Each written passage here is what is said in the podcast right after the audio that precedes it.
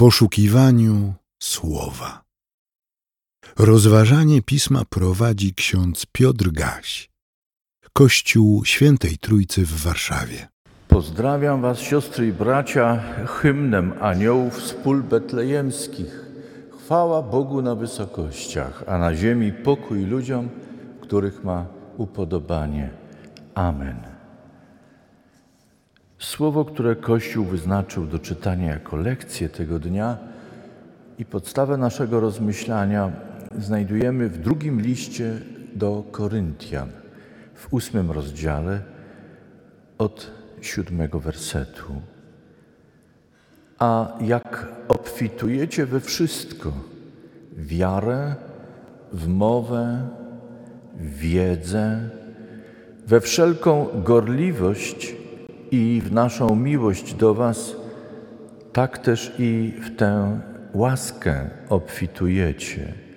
Nie mówię tego w formie rozkazu, lecz aby poprzez gorliwość innych wypróbować Waszą miłość. Znacie przecież łaskę naszego Pana Jezusa Chrystusa. Dla Was stał się ubogim, będąc bogaty, abyście się ubogacili Jego ubóstwem.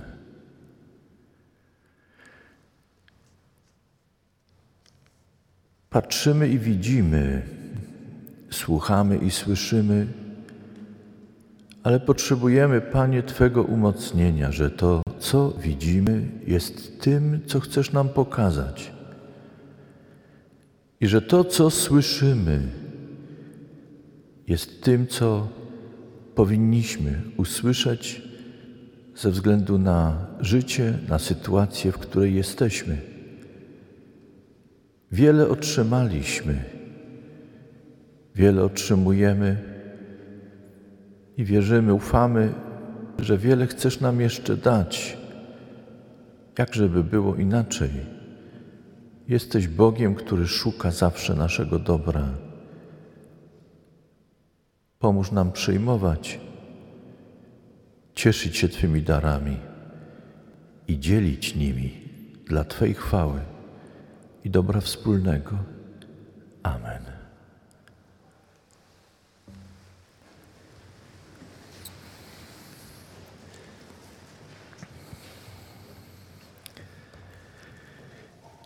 Siostry i bracia w Chrystusie, zbór w Koryncie miał swoje oczywiście kłopoty i trudności, jak każdy zbór, ale z tych słów apostoła Pawła dowiadujemy się, że obfitowali wiele łask, wiele darów. Mieli też moce duchowe, w których wzrastali. Mieli potencjał, powiedzielibyśmy współczesnym językiem, który mogli wykorzystywać zarówno dla siebie samych, jak i dla środowiska, w którym żyli.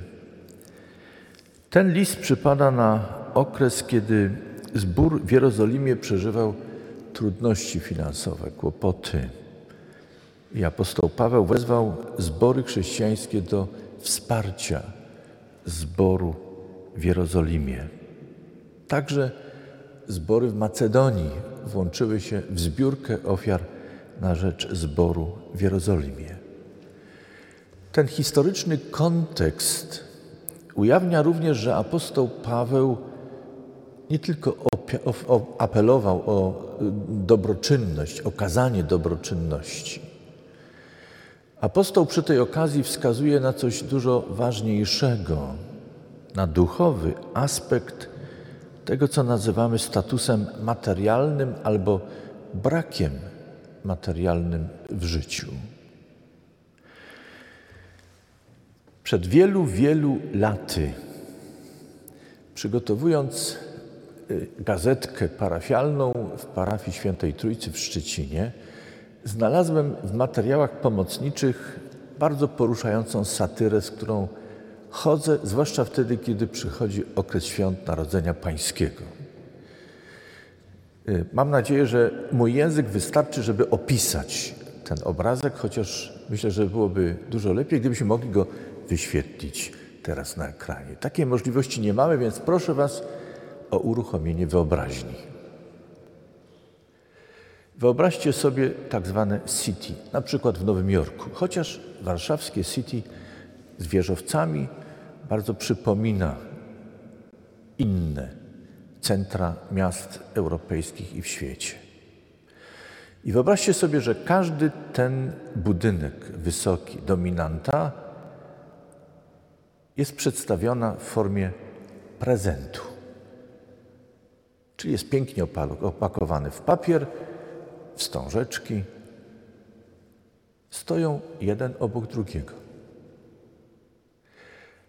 Wiemy, że patrząc na takie centrum miasta, idąc ulicami, czujemy się trochę przytłoczeni wielkością tych obiektów.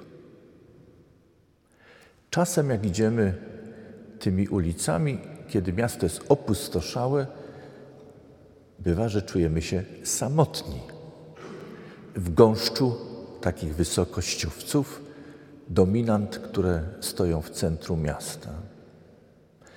I ta satyra przedstawiała taki obrazek, gęsto zabudowane centrum wysokościowcami, dominantami. Wszystkie były przedstawione w formie prezentów. Ulice były puste, a na jednej z nich byli przedstawieni Józef i Maria. Józef prowadził osiołka, na nim siedziała Maria i trzymała dzieciątko Jezus. I podążali przez to centrum miasta samotnie wśród wielkiego gąszczu prezentów. Co chciał autor satyry przedstawić? Czy macie udane święta?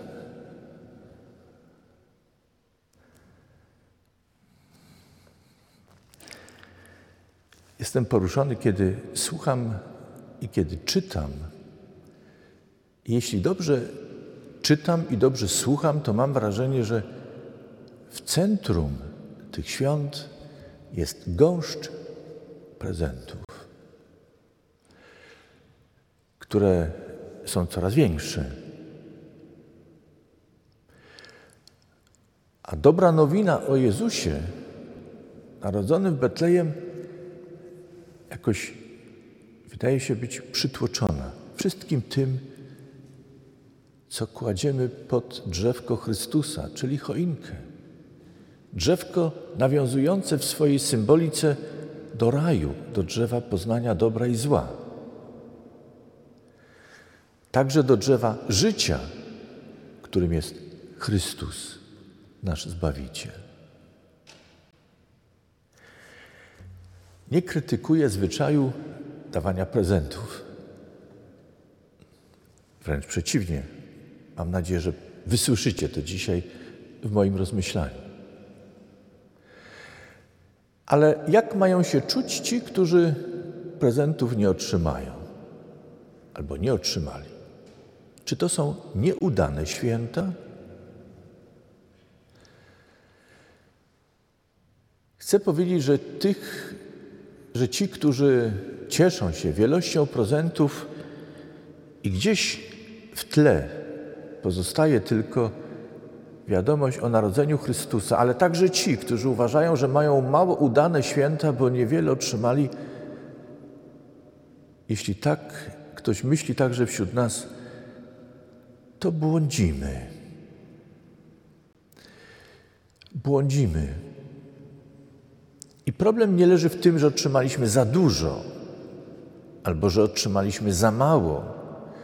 Problem leży w tym, że nie umiemy odkryć tego, co jest w centrum, istotą tych świąt.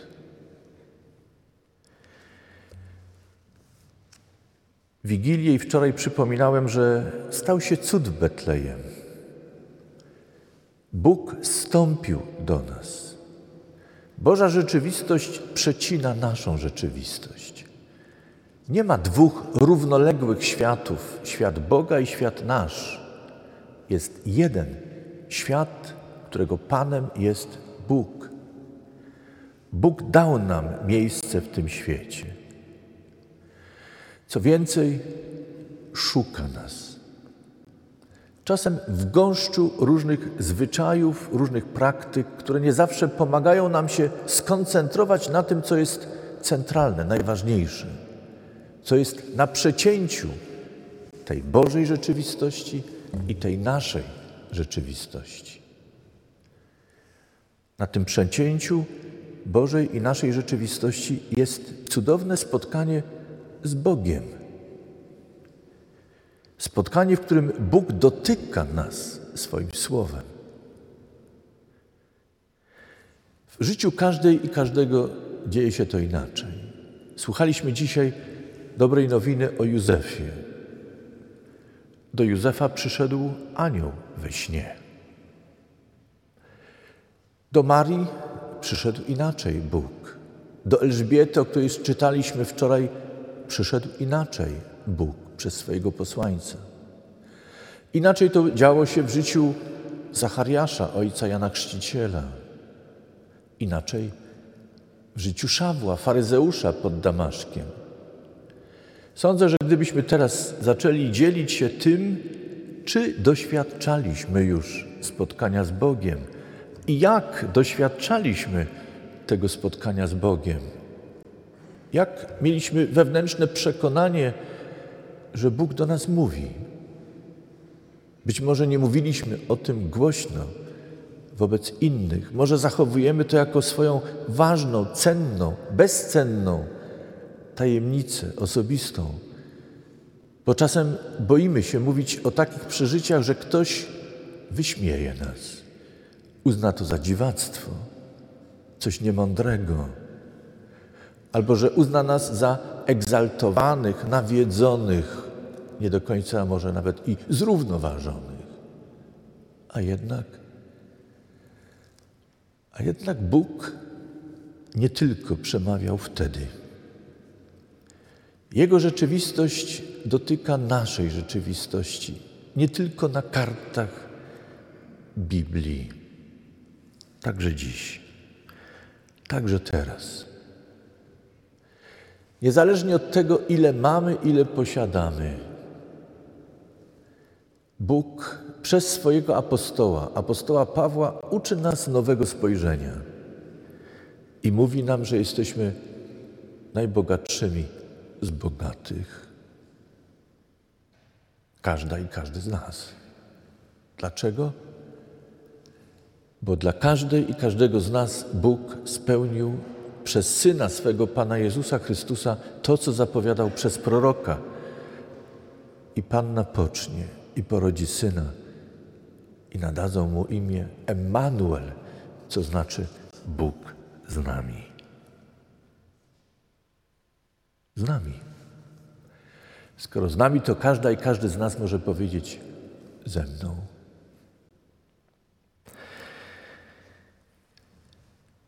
W liście do Filipian apostoł Paweł, mówiąc o uniżeniu Syna Bożego, powiedział, że Syn Boży, Pan Jezus Chrystus, nie upierał się zachłannie przy tym, aby być równym Bogu, choć miał do tego prawo. Uniżył samego siebie. Stał się człowiekiem, sługą, by nam usłużyć. Wyobraźcie sobie, My, którzy jesteśmy epizodem w historii tego świata, tego kraju, tego miasta, środowiska, w którym na co dzień żyjemy. Jesteśmy cząstką rodziny, w której przyszliśmy na ten świat. Wielki Bóg, Pan Panów, Król Królów zauważa nas i zniża się do każdej i każdego z nas, by nam usłużyć. Przyjmujemy to czasem ze zdziwieniem, z dystansem. Nie dajemy się porwać tej nowinie. Jest to największa, najradośniejsza nowina, która zmienia wszystko. Bo Chrystus przychodzi i mówi nam, jak jesteśmy dla Boga ważni, pomimo że z prochu powstaliśmy i w proch kiedyś się obrócimy. Chrystus przychodzi i mówi nam, że Bóg do każdej i każdego z nas przyznaje się, nie odwraca się, ale przyznaje się. A to przyznaje się oznacza, że nas obdarowuje. Czym? Chwałą nieba, radością wiecznego bycia z Bogiem. Czy pamiętacie ostatnią zwrotkę pieśni 39, którą co roku śpiewamy w Wigilię z podziałem na rolę przed modlitwą powszechną Kościoła? Jeśli możecie, otwórzcie proszę pieśń zapisaną pod numerem 39.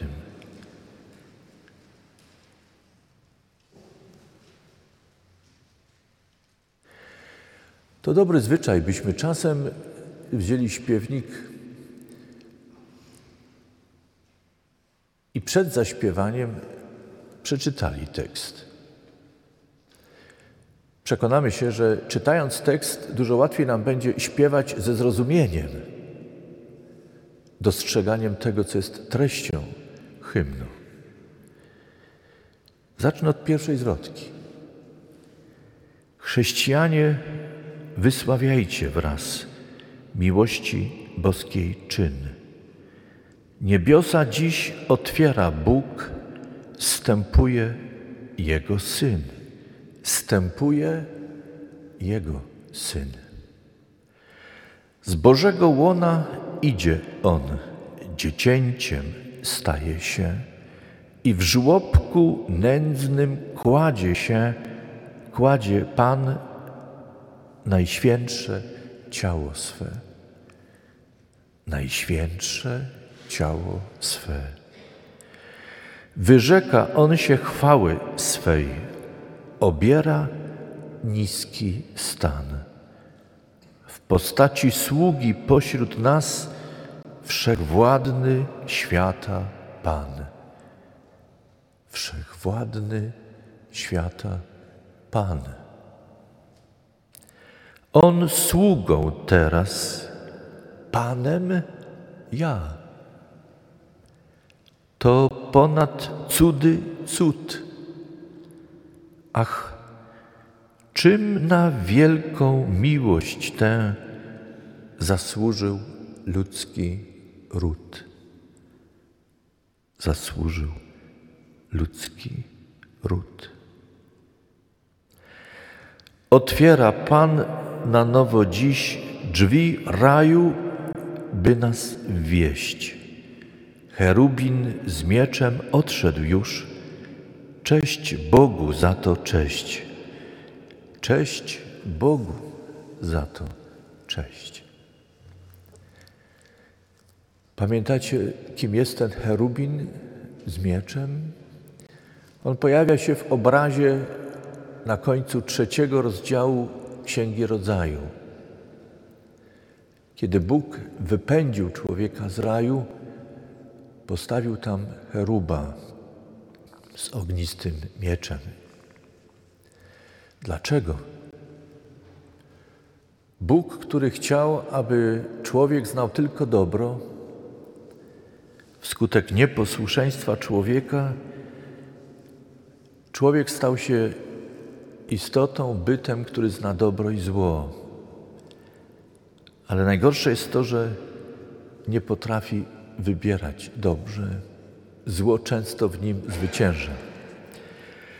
I Bóg w swoim postanowieniu odwiecznym powiedział, że człowiek, który nie chce i nie umie wybierać jedynie dobra, nie ma miejsca w raju. Czytamy również trzecim rozdziale, że w ogrodzie Eden było drzewo życia. Obraz, który jest przekazem tego, że Bóg nie chce, aby człowiek, który jest skażony, obrażał Boga, ale też ranił samego siebie, wyniszczał samego siebie i wyniszczał świat, który jest wokół człowieka. Bóg więc wypędza człowieka, nie pozwala zerwać owocu z drzewa życia i nie chce, by człowiek żył wiecznie jako skażony. Ale, ale jednocześnie Bóg rozpoczyna dzieło szukania człowieka i zbawienia człowieka. To tajemnica, która jest odsłonięta przez Boga, została nam podana i potwierdzona w Chrystusie. Bóg nie chce śmierci grzesznika, chce życia wiecznego człowieka, który ocalony przez Chrystusa i przemieniony w Duchu Świętym, wprowadzony do Królestwa Bożego, oczyszczony i na nowo ukształtowany w nowym ciele, może żyć wiecznie, ciesząc się dobrem, które jest mu dane. To największy prezent, który Bóg daje Tobie i mnie. Mało? Jeśli znacie większe prezenty i większe dobro w tym świecie, idźcie i bierzcie. Ale pamiętajcie, że kiedy staniemy na końcu drogi w tym świecie, wszystko to, co zgromadzimy, co wydaje nam się cenniejsze od darów, które daje Bóg, okaże się niczym, miałkim, nic nieznaczącym. Z czym staniemy przed Bogiem? Bóg zaprasza, byśmy stawali z Chrystusem i w Chrystusie przed Bogiem i znaleźli ocalenie. Przyjmijmy ten najcenniejszy dar, jaki Bóg nam daje.